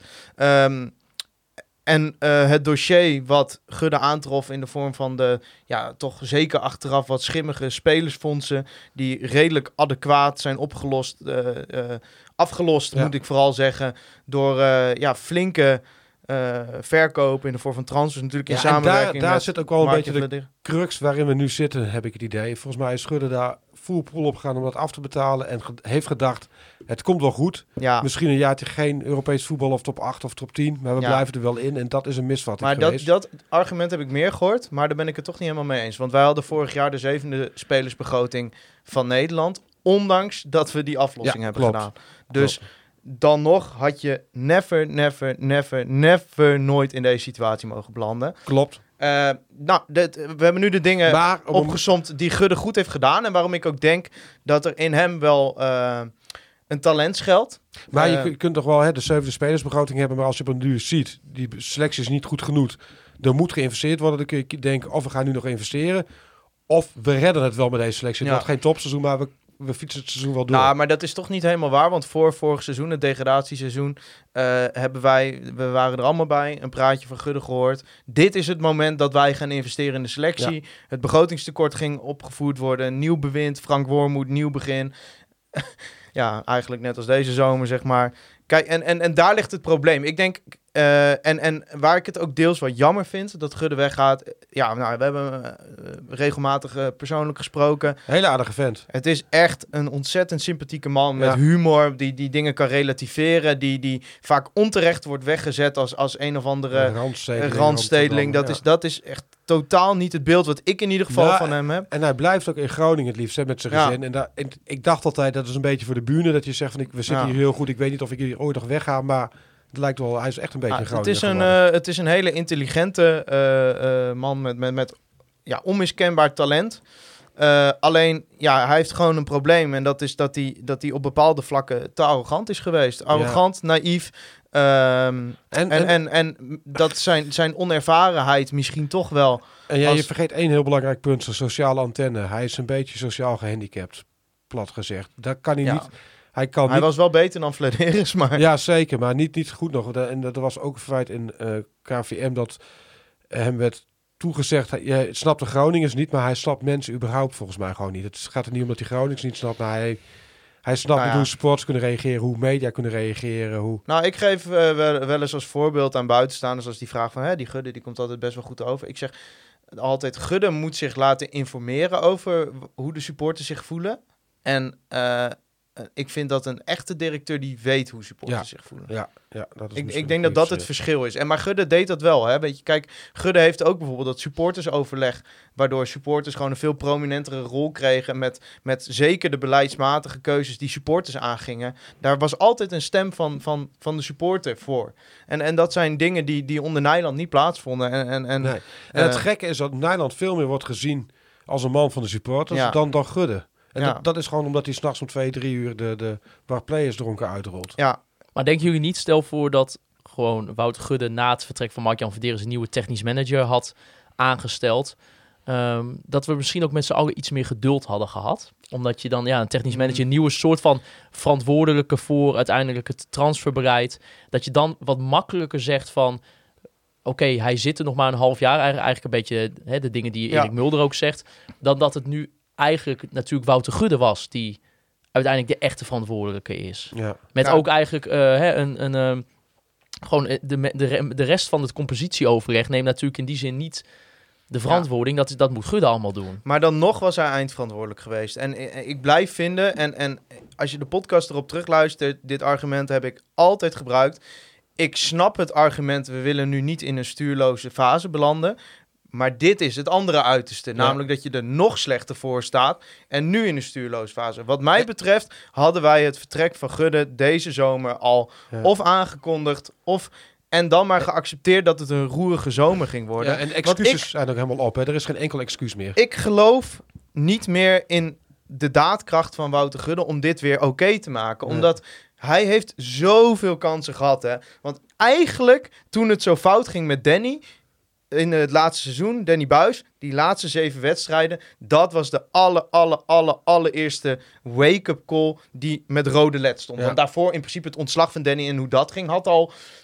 Ja, maar dat kon je nog op het persoonlijke hij is echt een beetje ten onder gegaan aan zijn eigen valkuilen. En eh, hij schaf elke keer wel Zo'n blind spot. Ja, ik ga, er, ik ga ervan leren. Ik heb ervan geleerd. Eh, ik ik Ja. verzamel nu andere mensen om me heen. Maar het, het Nou, dat is toch niet. gelul voor de bühne Ja. geweest, Willem. Nou, ik Sorry, want ook dat, dat- ik- compositieoverleg bijvoorbeeld. Ik want, denk niet dat het gelul voor de bühne is geweest. Ik denk dat hij het wel oprecht wilde, maar dat het er gewoon ook echt niet in zat. Nou, wat ik denk wat hij gedacht heeft, is kijk, dat compositieoverleg, hoe, hoe meer je daarover hoort, hoe meer je tot de conclusie komt dat dat nauwelijks een verandering is ten opzichte van de vorige situatie. Omdat ook onder Mark-Jan Vladeris, hè, Gudde deed voorkomen alsof Vladeris alles zelf bepaalde.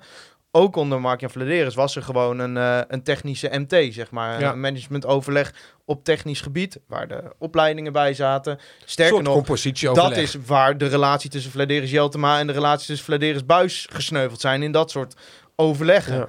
Ja. Ehm, dat je dat. Ik, wat ik denk wat er gebeurt is dat ze dat zeg maar. Dat, dat werd een beetje de lijn van kijk, hè, wij gaan het anders doen. En dat ze gedacht hebben. En vervolgens komt het in die KKD weer goed. Gaan we winnen. En dan keert de rust wel terug. Ja, en dat is gewoon te naïef gedacht. Ze hebben de, de competitie onderschat. En wederom. En, en En dat, is het. Wederom te, weer te naïef. Weer te... Nee, maar je eigen selectie overschatten. Ja. Denken van, Dick gaat het er wel uithalen. Ja. En, en, maar Wormoed dat is, gaat het er wel uithalen. kijk, eh, je, je hebt daar zitten Art Langeler. eh, geen ervaring als, als technisch directeur, technisch manager. Je hebt Wouter Gudde, die was tot deze zomer nog nooit een seconde verantwoordelijk voor het technische beleid. Wes Beuvink is gewoon hoofdscouting. Ja, Ja. ook geen technisch management eh, ervaring. Eh, Henk Veldmaten heeft vanaf het begin gezegd: ik wil geen leiding geven, ik wil niet de leiding uit, eh, lijnen uitzetten. Ik ben er puur voor het Ja. ondersteunende, adviserende. En die was nieuw. En je hebt Dick Lukien, een trainer die erom bekend staat dat hij in iedere speler wel wat ziet. Ja, dat is gewoon een giftige cocktail van naïviteit geweest. Ja. En daar is Gudde voor verantwoordelijk geweest. Ja, en die heeft dat niet ingezien. Nee. Omdat hij dus terecht dat hij te weinig mensen om zich heen verzameld heeft Ja. die kritiek leveren, die met de vuist op tafel slaan. Kijk, ehm, ik wil niet altijd Danny Buis de hemel in prijzen. Kijk, ik ben niet helemaal objectief over Danny Buis. Eh, eh, ik, ja, ik vond dat gewoon een trainer die heel goed bij FC Groningen paste. Dat was iemand die met de vuist op tafel sloeg tijdens dat soort overleggen. Die zei, ik heb een betere linksback nodig. En het probleem was, die kreeg hij dan niet. Dan kreeg hij een rechtsbuiten, waar hij niet Ja, op zat te eh, wachten. Voor 2,5 miljoen. Maar zo'n type hebben we niet in het technisch overleg. We weten niet helemaal hoe het gaat natuurlijk. Maar Maar Lukien is ook een hele als je de verhalen vent. daar moet geloven, Ja. is Lukien niet iemand die keihard met zijn vuist Nee, op dat is een, een lieve, lieve man. Ja, Die, eh, en het zal vast genuanceerder liggen en het zal daar vast vaak genoeg ook kritisch verlopen. Maar ik geloof niet dat er momenteel genoeg aanwezig is om die selectie nee, maar, kritisch te benaderen. en een nuance. Zo, we staan verdorie dertiende in de eerste divisie. Net weer gelijk gespeeld tegen eh, Dordrecht thuis. het kan niet meer. Het is ook wel een keer tijd om scherp Nee, maar het te is, worden. het En- is volledig terecht dat Gudde weggaat. Ja. En wat mij betreft zo snel mogelijk. En, maar- en wat, wat moet Nijland terug als Nee. interim? Ja, ik, ik gooi maar Nou een ja. balletje op. Alsjeblieft niet. Want die vraag kwam natuurlijk wel vanuit eh, Henry Hollander, Oh, ik eh, dacht vanuit- Justin van der. Nijland. Nee, Ja, nee, vanuit, ah, eh, misschien ook wel Piet van Vriet. Misschien Nans dat het Heiland uit eh Kropswolde vraagt. Maar die vroeg in ieder geval wie Gudde moet opvolgen. Nou, Henk eh, of Hans eh, Nijland, die zei in ieder geval... Ik denk stiekem dat ik de club er weer een beetje bovenop zou kunnen helpen. Daar ben ik eigenwijs genoeg voor. Ja. Maar verder zei hij wel dat hij het niet gaat doen natuurlijk. Nou, Maar ja, maar wat, Hij het heeft is er wel wel... lang over nagedacht. Wat, wat voor types wat, en wat voor vorm zoek je? Want ga je... Ga je ga, want hè, er moet ook een technisch manager bij. Ja. Ja. Toch? we moeten gewoon opnieuw beginnen. En dat bedoelde ik net met wat is volgens jou de oplossing. eh. je moet gewoon nu een, iemand hebben, een sterk karakter. iemand Ervaring die gewoon... Erva wel wat, zeg maar. en niet zo weinig.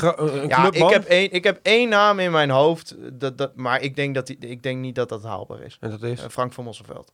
Van RKC. Maar dat is niet iemand met Groningen DNA, terwijl daar heel erg om Nee, maar wordt. ik vind Groningen DNA, eh, misschien ga ik hier wat tegen de schenen stoten. Ik vind dat, kijk, op het moment dat je een winnende ploeg heeft, heeft een ploeg ineens Groningen DNA. Ik vind het ook Zo een werkt- lege huls. hoor. Kijk, ik snap waar het vandaan komt. Maar je hebt nu een technische staf met vijf Groningers en het gaat nog steeds kut, het gaat zeg maar. Dus om dat de beste mensen op de beste plek ik denk niet dat het een garantie voor succes is als iemand uit de provincie Groningen komt. Wat ik wel denk wat helpt, is dat je eh, cultuurbewakers binnen, eh, waar, waar Koert het over had vorige week, daar was ik het dan wel weer mee eens. Je moet wel, denk ik, binnen de club meer mensen dan er nu zijn hebben, die weten wat er rond deze club speelt, eh, hoe een supporter zich Ja. voelt, dat heb ik bij de directie wel gemist. Ja. Ja. Dat betekent niet dat het een voorwaarde hoeft te zijn voor mij persoonlijk. Ook zeg maar, kijk, ik snap de roep om Arjen Robben heel erg, maar ja, misschien is dat ook een beetje vanwege mijn eh, achtergrond, maar het, vak directeur is gewoon, dat is niet zomaar iets, hè, directeur van een bedrijf. Kijk,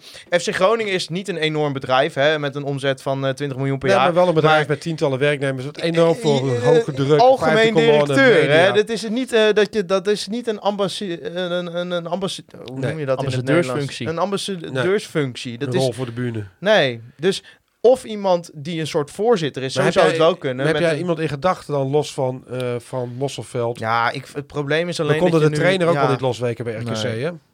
Nee, nou ja, ik denk wel, met Van Mosveld zou je misschien Mo Allach ook kunnen meenemen. Dat is wel iemand met Groningen. Ja, maar ik denk niet dat ik denk dat Van Mosselveld de stap Groningen wel gaat overslaan, zeg maar, omdat hij ja dermate eh, goed een werkt. doet. Ja, eh, mij maakt dat persoonlijk niet zoveel uit. Nee, maar maar ook niet, je- maar voor hem misschien wel. Het is een grote het, stap het is dan. ja, ja, wie stapt hier nu in? Ja. Dat, dat vind ik ook een valide vraag. Ik denk wel eh, dat die vraag. Er zijn Ja, altijd mensen. Kijk, precies, het is ook, een, het is ook een mooie functie. Het is hè? een prachtige en job. laten we wel zijn. Hoe fucking groot is het potentieel van de plek waar je nu vandaan komt? Je hè? kunt het niet meer eh, Als jij degene bent die zeg maar van hier Groningen weer terugbrengt, dan ben je daarna voor de rest van je leven verzekerd. Nou, dat is een beetje vergelijkbaar met het moment dat Nederland instapt. En daarom is dat ook een Ja. enorm grote meneer geworden. Want hij heeft Groningen uit de groot getrokken en ja. naar grote hoogtes Ja, gestuurd. maar ik zou nu never nooit voor Nederland Nee. kiezen. Omdat ik, eh, ja, eh, de laatste vijf jaar onder Nederland was de negatieve spiraal ook ingezet. Nou Sterker sterk- nog, ik, vind ik denk dat de degradatie onder Nederland eerder was gekomen dan onder Rutte. Nou, en ik, vind dat Nederland ook wel een beetje debet is aan de huidige situatie van de club. Nou, ben ik het niet helemaal mee eens. Omdat eh, de, zeg maar, er zijn zoveel aantoonbare fouten gemaakt door Beetje, deze ook, directie. die niet beïnvloed zijn door eh, wat ze aantroffen. Maar de manier waarop dat met spelersfondsen geregeld was. Waardoor gewoon een groot deel van de transferinkomsten in de zakken Ja. verdwenen van investeerders. Maar ook die de- de- reden bizar voor- rendement op De reden voor de hoge noodzaak om dat met hoge spoed af te betalen, Nou, dat, dat het, eh, komt ergens vandaan. hartstikke schimmig geld was. Ja. Ja. Is dat een juridisch goede term? Krijg ik daar problemen mee? Nee, schimmig? schimmig? Nee, dubieus schimmig kun je het wel noemen. En je hebt als club ook wel een probleem als, eh, als er een groot geldkapitaal in je club zit waarvan op het duur wordt vastgesteld dat het met fraudeleus handelen. Ja, maar dat heb jij vastgesteld, dus is jouw schuld. Dat is mijn, sch- mijn schuld. Maar, nee, maar dan heb je als club wel een probleem. Dus daar, daar, moest, er- daar moest naar gehandeld worden. Ja. Ah, wat nog wel ook heel erg sneu is natuurlijk wel rondom Gud en hij. eh nou, legt het eigenlijk best wel uitgebreid. eh richt hij het toe ook in die, in die video. Dat, dat privé ook een, eh, een rol Ja. speelt. Niet de Mhm. doorslaggevende zoals hij het zelf aanzei. Maar ja, je merkte toch wel hè, van aan zijn hele lichaamshouding. En eigenlijk het gevoel wat je aan die video overhield. Is dat het wel ongelooflijk veel impact op hem heeft. Ja, maar dat heeft ook ongelooflijk veel impact. Ik weet een beetje van, Ja. van bedreigingen en intimidaties en ook op je privéadres. Eh, en ik had geen kinderen. Ik heb geen kinderen, dus dat, dat is nog een stuk makkelijker. Eh, maar ja, dat heeft ongelooflijk veel impact. Dat gaat onder de huid zitten. Dat gaat je dagritme bepalen. Dat gaat eh, de gesprekken thuis bepalen. Dat gaat de gesprekken met andere mensen bepalen. De, de vrouw thuis wordt ongerust, zenuwachtig. vertrouwt het niet meer als je in je eentje pad bent. Dus dat, dat gaat het hele leven behelzen op een gegeven moment. Dus dat, ja, dat hij daar voor past, dat snap ik heel goed. En Ja. dat is ook wel. En dat vind ik ook wel een beetje extra wrang aan deze situatie. Hè. Er zijn heel veel redenen waarom hij opstapt. Maar dit is wel een van de redenen geweest. En daarmee krijgt een groepje eh, dat overgaat tot het intimideren en bedreigen van de directeur of wie dan ook, toch een beetje hun zin. En loont dat kutgedrag toch wel. Ja, ik, ik vond het vanuit. eh, ehm, ja, je moet er blijkbaar tegenwoordig overal bij zeggen dat je het verschrikkelijk vindt, bedreigingen. Want eh, anders. Ja, terwijl dat voor zich spreekt. Want ik zag mij. bijvoorbeeld eh, in het Dagblad van het Noorden werd eh, een beetje geschetst alsof de supportersvereniging daar een soort van verantwoordelijk voor was of zo. Ja, was ik het totaal niet met mijn hoofdredacteur. Maar goed, dat is een ander verhaal. Maar eh, dat gezegd hebbende, ik vond het vanuit communicatieopzicht niet zo slim om dit te zeggen. Omdat je weet, op het moment dat je dit zegt, is het de krantenkop. Nou, en dat werd ook al in podcasts naar boven gehaald. Hij is opgestapt vanwege de dreigementen. Ja, maar dat, dat is niet zo. Nou, en, en Maar aan de andere wel kant, zijn... je, je mag het, dat moet ook wel benoemd Nee, worden nee, nee. natuurlijk. Kijk, het moet nooit genormaliseerd worden. Maar ik zeg er wel bij, helaas, nogmaals... Iedereen met een publieke functie of die zijn kop boven het maaiveld uitsteekt, overkomt dit. Ja, maar en, en toch denk ik dat het belangrijk is om daar je tegen af te ja, maar ik had dit iets gevonden voor een afscheidsinterview. Want Ja. kijk, nu wordt het eh, meteen d- gezien als de reden. Terwijl kijk, de reden die hij Ja, zelf dat- geeft is omdat de rust terugkeert. Maar volgens mij stapt hij vooral op omdat hij er een gigantische pleurensooi van heeft gemaakt als directeur van deze voetbalclub. Ja, en dat hij er gewoon bijna overspannen van geraakt is van de situatie. Ja, en dat vind ik super sneu. Ja. En, en we mogen. eh, kijk, Maar, maar volgens mij heeft Gudde dat wel heel erg benadrukt van het is niet de reden. Dat nee, maar op het en- moment en dat je het zegt, wordt het. Maar er wordt ook naar gevraagd natuurlijk. Dus je moet, er, moet je dan gaan liegen erover. Nee, ik bedoel meer op het moment dat je het zegt en als clubkanaal uit gaat zenden. Want eh, zo is het de wereld ingekomen. Ja, maar Eh, anders gingen ze andere journalisten naar vragen. En nu heb je er zelf Ja, maar dan kun je daar over. prima toelichting over geven. Maar op het moment dat je het ehm, als zijnde officieel clubkanaal benoemt, dan wordt het de reden. Zo werkt het. Ja. Dat is de dynamiek. En, en eh, dat vond ik, terwijl ik denk, volgens mij zijn er 200 redenen waarom jij moet opstappen. Eh, en deze opmerking brengt ook de rust niet terug bij de club, zeg maar. Want dat is ook een beetje, dat, ja, dan gaat het daar dus wel weer over. Ja, en dan wordt Struiling weer bozer. En dan Ja. gaat hij weer boos in, op tegen het even Noord zeggen van... eh, ja. die Waarvan ik nogmaals, kijk, dat, dat, ik, ik zeg niet dat hij dat de rest van zijn leven bij zich moet dragen dat dat gebeurt. Hè? Dat, want het is verschrikkelijk dat dat gebeurt.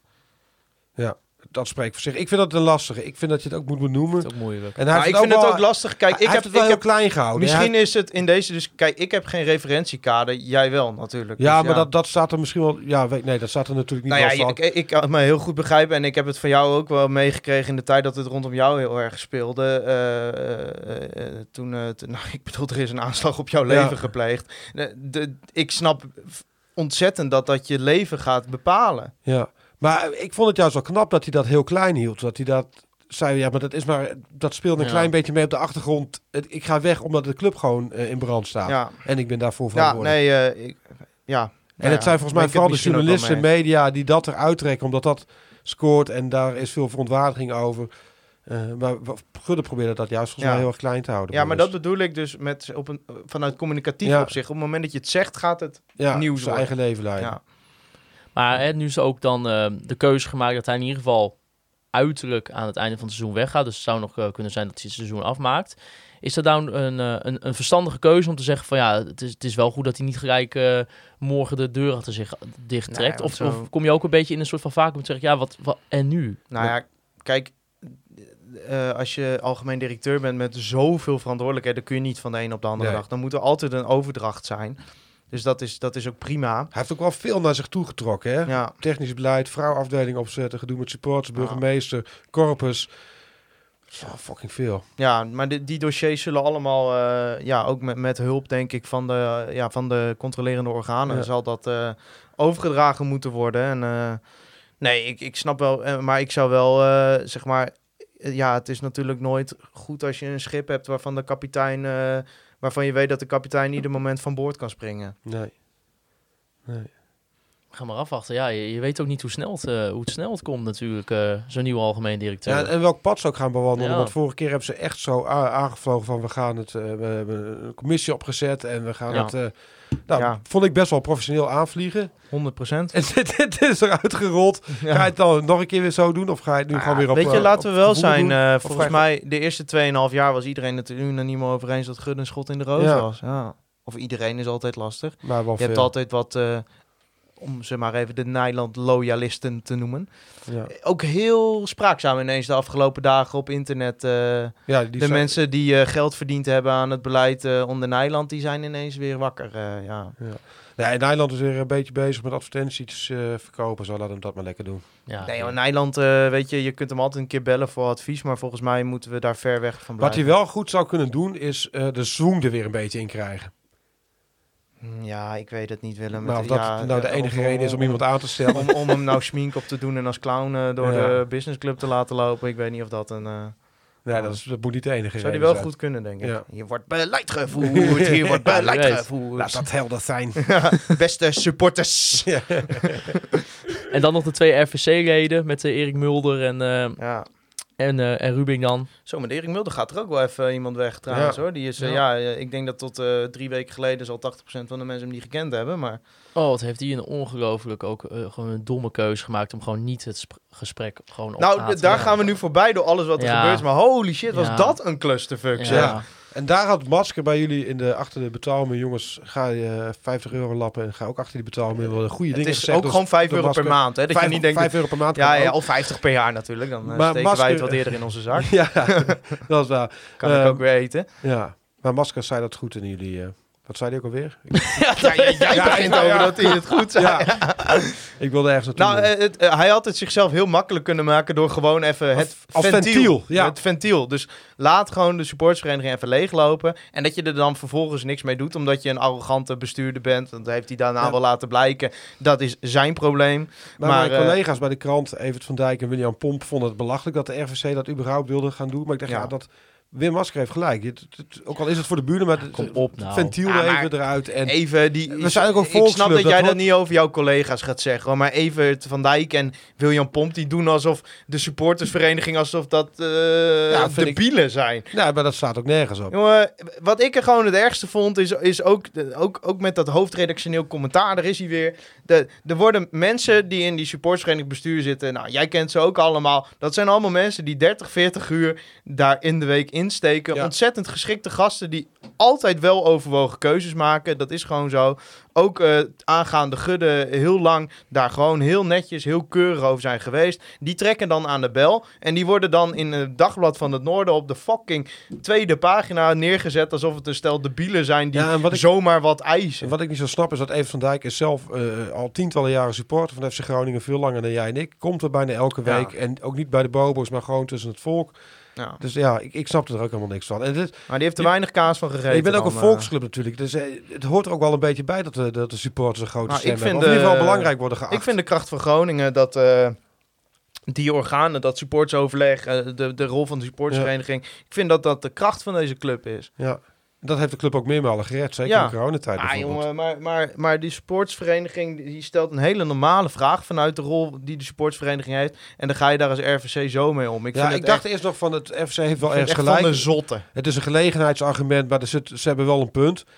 Maar toen, ik ben het eigenlijk met Wim eens. Je moet het gewoon aangaan. En dan zeg je maar acht keer, sorry, Nou, het dat had ik dus ook. Dat ik dacht, ik las, ik las inderdaad die reactie in eerste instantie van Erik Mulder. Toen dacht ik van, nou, ik, ik snap je eigenlijk wel, Ja. logisch. Komt goed Maar- uit, maar het zit een punt in. Ja, maar dan is het wel denk ik wel, ja, je had wel gewoon het gesprek aan kunnen gaan. Ja. En ja, als zij dan drie of vier keer horen van, ja, sorry jongens, maar hier kunnen wij gewoon simpelweg geen antwoord op geven. Ja, dan moet je Gudde erbij Dan- nemen. Ja. Ja. maar ik hoorde dus Bleker vandaag vertellen dat wat er echt aan de grondslag lag, is dat Gudde het niet wilde. Dat de RFC onafhankelijk van hem met Ja. de supportsvereniging zou praten. En dat Ja. de RFC daarop heeft besloten om dit eh, door te zetten. Maar Maar dan vind ik Gudde ook gewoon eh, Foute boel. En, daarin een slappe zak. en dan is het alleen nog maar beter dat hij afstapt. Ja, want dat is gewoon. eh, je- kunt niet, hè, want hij paradeert daar altijd mee dat hij daar zo goed overleg mee heeft. En op het moment dat het tegen je wordt gebruikt, ga je dit soort dingen Ja. doen. Ik vind het echt. eh, Dat overleg is misschien ook wel wat te innig geweest. Het is geen... Het is vooral toch wel een controlerend orgaan uiteindelijk. Ik vind, het, eh, ik vind het echt van de zot, eh, die he- dat hele dossier. En eh, nou, het werd in de reconstructie geschetst alsof dat de hele boel versneld heeft. Nou, dan heeft het in ieder geval nog ergens nut voor gehad. Want voor mij voelt het vertrek van Gudde wel als het begin van het eind van deze misère. Ja. Kijk, natuurlijk is de toekomst onzeker. Maar toch ging ik met een lekker gevoel het weekend in. Dat ik denk van, Maar je was Ja. blijer toen Vladeris wegging, denk ik. Ja, maar kijk... Of blijer, maar Nou, meer opgelucht. Blij is ik dus- bedoel, meer, kijk, bij Vladeris er zat er bij mij geen maar aan. Ja. Kijk, bij Gudde denk ik van, er gaan ook wel dingen verloren die ik wel enorm kon waarderen aan hem. Maar bij Vladeris was het gewoon dat ik denk van, goh, we zijn ervan verlost. Dat, dat was zijn opluchting. Masker vanochtend ook nog op Radio Noord dat eh, de dag nadat Vladeris wegging, hing er eerst echt een jubelstemming op, eh, op het sportpark. Ja. En nu was het toch wat meer bedrukt ook. Nou, kijk, de manier waarop is gewoon kut. Laten we wel zijn. Dat het, nou, jij zei het treffend door. Ja, er zijn alleen maar verliezers. Maar ik denk dat dit eh, de juiste stap is om, om deze club Ja. weer, eh, weer aan de praat te krijgen. ook. Het, was gewoon, het, het ging niet meer. Nee, het het kon was, ook niet anders. Ja, Nee, maar het is wel jammer, want hij, hij had in die zin, over het algemeen, is, was het wel gewoon een ongelooflijk goed uithangbord voor je club. Nou, het is- het de is incidenten jammer- die we hebben gehad. Het is jammer hoe het gelopen is, maar Ja. eh, ik, het, het is denk ik wel de, enige juiste optie Ja. op dit En moment. als het nou een lul was, die ook gewoon wat, niet het beste wens bewijzen van, maar het is ook gewoon een hele aardige, toegankelijke vent. Nou, ik hoop oprecht dat hij eh, ergens een, eh, een nieuwe baan gaat vinden. Ik hoop niet dat het bij de brandweer is, want anders brandt de stad denk ik vrij snel af. Jij bent zo leuk, een compliment geven en dan direct in hetzelfde Ja. zin nog weer helemaal Nee, maar dan zie ik zo voor me dat op een gegeven moment de volledige binnenstad in de hand staat. En dan zegt misschien moet ik toch maar een keer een tank. Valt mee, we gaan Misschien moet ik toch maar een keer een brandblusser sturen, ja.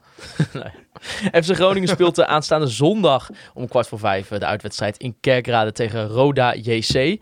De momenteel de koploper van, de- van de keukenkampioen-divisie met eh, 26 punten. 11 punten meer dan FC Groningen. Thijs, wij gaan erheen. Wij maken er een weekendje van. We gaan Ja. eerst eh, naar eh, KV Mechelen tegen Charleroi. Een degradatiekraker. Mocht er nog meer Groningers ergens in de buurt zijn, wij zijn in ieder geval bij KV Mechelen te vinden in het avondstadion daar. Omdat eh, het uh, zelf KVM, KVM. Nou nee, ja, wij, wij zijn, Wij er zijn ooit... daar een keer geweest. Ja, en Ja. dat was superleuk. Ja, Sorry, ik had, ik ik had wel een je beetje als, als klein jongetje, toen keek ik altijd naar Sportza. Eh, dan had je altijd op eh, Zondagochtend. zondagochtend, ja, had je dan inderdaad om zes of zeven uur al de samenvattingen 's ochtends. En eh, als je dan toch vroeg wakker was, dan zette ik dat aan. Ja. Ja, en dan, toen vond ik KV Mechelen altijd wel heel erg mooi. Ik had wel wat met die kleuren. En ja, toen ging Danny Buis er uiteindelijk Ja. Toen, toen zijn we het eigenlijk gaan bezoeken. Nou, Danny Buis werd er toen vervolgens uitgeflikkerd. Zijn opvolger is er ook alweer uit. Die is er ook uitgeflikkerd. Dus eh, het gaat niet zo goed met, eh, met KV Mechelen, maar Nee. we gaan erheen. Mooi pot. Ja, Ah, maar ik zou serieus mensen wel aanraden om, eh, als je daar een keer in de buurt bent, om daar langs te gaan. Het is echt, eh, de sfeer is eh, lekker daar. Gewoon. Ja. Het is gewoon een lekker avondje uit. Ja. Nou, ik vind wel als je daar een beetje op de... Nou, wij staan dan inderdaad bij de, bij de fanatieke, op de fanatieke tribune. Ze hebben er eigenlijk twee. Maar ik, het geeft me wel een beetje een soort van tot een Noordtribune gevoel, vind ja, ik daar wel. ja, en ze hebben de lange zijdes bij hun ook staantribune. Dat vind ik altijd Ja, tof. vet. Ja. Ja. dus mooie club. Ja, en dan, eh, dan zondag lekker eh, in het uitvak in, eh, in Kerkrade. Ja, weer 500, meer dan 500 man die meegaan. Hè. Ik vermoed zelfs dat het nog wel uit gaat verkopen. Ja, dat, eh, dat blijft toch. Ik vind dat we onszelf daar toch elke week weer mee mogen becomplimenteren. Ik vind dat ook meer aandacht waard. Ja, je kunt moeilijk elke week daar een stukje over schrijven. Maar het sneeuwt wel eens een beetje onder in Ja. alle negatieve aandacht voor de club. Ja. Ja. en ik snap best dat er wat minder gezongen wordt. Ja, Sterker nog, ik ja. zou het raar vinden als het nu... Ik weet nog dat we na die 4-0 tegen PSV... Toen heerste er echt een soort eh, feeststemming op Noord tegen jong PSV. En toen had ik zoiets van... Ja, maar we hebben net naar een verschrikkelijke tweede helft zitten kijken. Ja. Ja, dan bevalt dit me wat beter. ja, mij ook. En eh, de laatste keer, jongens, toen speelden wij op, eh, op 10 december 2017 uit tegen Roda. Wie maakte bij de goals? Even een klein quizvraagje tussendoor. 2017. Ja, Holy shit. Marcus Berg. Nee joh, 2017, kerel. Oh nee. Oh, in, in Kerkrade. Wat werd het? 2-2 zei ik. hè? 2-2. Ja, ehm, Michael de Leeuw. Volgens mij was een goal ook een penalty. Nee, het was Tom van Weert. Scoorde Tom twee Weert. goals, ja. Ja. Tom van Weert. Zo, Ook alweer, ook eh, vervloekt, be- joh. Ja. Maakte gewoon nog 10 goals per seizoen. Ja, ons eh, winstpercentage in Kerkrade is volgens FCG Stads 15%. Dus eh, Goh. het wordt weer een prachtig weekend. Ja. En dan zijn wij, nou, hoe laat zou, zullen wij thuis zijn? Uurtje of 12, Ja, denk ik. ja, ik was vandaag vrij, maar eh, ik ben volgende week maandag niet Ja, vrij. nou, dus- ik heb er echt ontzettend veel zin in. Mooie trip, man. Ja, Een heerlijk. keer bij Roda geweest. Hartstikke Ja, leuk. ik ben Ja, er dus nog nooit tof. geweest. Nee, ik dus, ook eh, niet. Dus, eh, ik, heb, ik, ik ben wel echt eh, druk bezig. met- Ja, dit, dit voelt als een soort zelfcompliment. Maar ja, ja, misschien heb ik professionele hulp nodig. Maar ik, ik ben dus bij iedere minuut van FC Groningen geweest dit seizoen. Ja, inclusief beker. Ja, daarom Ik- gaat ik- het zo ik- kloten. Ja, ik, wil- eigenlijk die score wel doorzetten. Maar Rode SC uit is wel vaak een deceptie. Dat jij de tering uit hebt gereden en 10 minuten in het stadion Ja. bent. Ik weet nog een keer dat de keeper binnen 10 minuten rood kreeg. Groningen. Dat Jeroen Lampers de Was beer je ook bij de sneeuwwedstrijd? Was Sneeuwwedstrijd was ik ook bij. Ja. Geweldig. Ja, ik heb er ontzettend veel zin in. Eh, ik heb dus het gevoel, ik zat een beetje op social media rond te kijken, dat ze in Kerkrade nog een beetje een, een appeltje met ons te schillen hebben. Omdat toen Roda degradeerde, toen was er wat gezongen of zo. Van Was, Auf eh, Wiedersehen was er gezongen. Was, of, eh, speelde Timo Letchert daar niet eh, toen voor? Dat Ja, Letchert ja, degradeert, van- degradeert, Ja. Degradeert. ja, maar dat, nou, ik zie na iedere nederlaag van FC Groningen, en dat zijn er nogal wat, zie ik altijd half Kerkrade ineens dat filmpje tweeten van Ja. eh, dat, dat, dat, dat wij dat zingen. Ik denk altijd, ja, Ja, dat hoort er een beetje bij, toch? ja dus dan, dan, dan verdienen we hem ook terug. Maar het Ja. zou wel lekker zijn als we daarin winnen. Ik denk dat het misschien wel, eh, hè, nu het allemaal zo negatief is. Ach, houd toch op man, jij begint ook al hè? Twee keer Postema, die heeft ook nog een grammetje te halen tegen Roda. Ja. Ja, Nou, die deed nog een handige uitspraak. die heeft er wel... Jezus Ja. Christus, we gaan Roda laten zien wat voetbal is, Ja. zei die. Ja, waarom ook? hè? Net als Schouwing, waarom Romano? Oh, jongen, Ja. je bent zo goed bezig. Ja. Oh. Heerlijk. Nou, we Ja. gaan het zien. Thijs, kleine Die hangen ze in voorspelling. de kleedkamer, zeggen ze dan. Kleine voorspelling nog voor Rutger Eh, Ottens. onze- 3-0 Roda, sorry. Willem, jij bent toch wel wat 1-2, uh, twee keer Postema. Ik denk ook, we gaan winnen. 0-2. Twee keer Romano Postema. We gaan het doen. We hebben vandaag gelijk gespeeld trouwens. Daarom. Ja, eh, ja, daarom. Eindhoven. Dat perspectief. Die zit in een neerwaartse spiraal. en Die wij gaan we gaan, even de- wij gaan omhoog juist. Ja, Die hebben wel een paar leuke spelers hoor. Wij ook. Ja, bijvoorbeeld eh, hun spitsie, Schmid. Die vind ik goed. Ja. ja. Nou, fijn Thijs. Ja. Dank voor Dan deze word je toch lekker supporter van Roda. rot op, joh. ver rijden elke keer. Nee, ik denk niet dat ik daar 100% Gaat toch lekker naast scoren ga. Timmermans zitten. Ach, dat ook nog. Campagnetijd. Zou die er zijn? Ja, ik ook. het. Misschien kunnen we nog even voor de podcast. Gaan we ja, gewoon, ja, eh, ja. Nou, ik denk dat we dan heel veel luisteraars kwijt Denk raken. En terecht. Wie weet, misschien zou het wel leuk zijn. Even met Frans Timmermans een voorbeschouwing doen eh, op, de, Oh, op de wedstrijd. Nou, Ik ben blij dat we met onze voorbeschouwing gestopt zijn, want anders had jij je dat in je hoofd gehad. Wel Frans. En je had ja gezegd nu. Tegenstander van de week met Frans Timmermans. ik weet zeker dat hij ja had gezegd. ja, tuurlijk, want Ja, campagnetijd, die Ja, man zegt ja. tegen alles ja. ik ga het doen. Ik, ga, ik zal wel even een mailtje sturen of we nog ergens even kunnen van de Nou, ik dissocieer me er bij voorbaat al van. Helemaal goed. Willem, bedankt Jullie bedankt. voor de aanschuiven hier in deze podcast. Ik hoop dat het voor jezelf wat eh, een warmer bad was dan vorige week bij Radio Milko. Maar het was, eh, eh, ik kon uitpraten, vol zinnen maken. geweldig, Ja. geweldig. Eh, Thijs natuurlijk bedankt. En jij bedankt. Natuurlijk. Eh, ik wil eh, jullie zeggen, eh ga vooral ons volgen op, eh, op de socials. Facebook, Twitter, TikTok, Instagram. We zijn overal te vinden. Raad ook even een recensie achter via Spotify. Want eh, die kunnen we altijd lekker gebruiken, die vijf sterretjes. Ik wil natuurlijk Jan Westman bedanken. Eh, want eh, nou ja, die, ik zag hem weer in actie. Oh, Thijs, ja. het- Wat een lens heeft die man ook, hè? Nou, ik vind eigenlijk van alle. FC Groningen medewerkers die iedere week matig en inconsistent presteren, is Jan Westman wel onze hoop in banden- bange dagen. Ja. En man- Jopie ja. van de persruimte. Ja, die, die kom ik dan wat minder vaak Ja, tegen. die heb ik maar- laatst geïnterviewd. eh, Of heb ik een dagje gevolgd. Prachtig, jongen. Wat een man. 75 jaar of zo. Elke dag. En wat ik het mooiste vond. eh, ik zei, Joop, wil je het ook lezen van tevoren? Nee, jongen, met mij dan nou uit. Ik interviewen.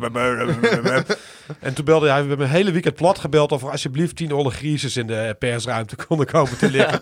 hij wilde het toch aan iedereen laten zien. Ja, mooi. mooi. Nou, maar kan hij misschien algemeen directeur worden? Ja, ik denk dat hij daar te oud voor is. Nou, nou ja, wie weet. ja. Ach, ja, jammer. Hard langelig. In ieder geval, eh, Jan, Jan be- bedankt. Eh, ik wil Toupé en eh, de Ongarite Company bedanken voor het steunen van onze podcast. Net als onze Petje.affers. Natuurlijk ook Free Westhoff en Mark Pepping voor de prachtige intro en outro muziek. En ik wil jullie, de luisteraars, bedanken voor het luisteren naar Conforminder, de podcast. Juichen wij als FC Groningen weer scoort.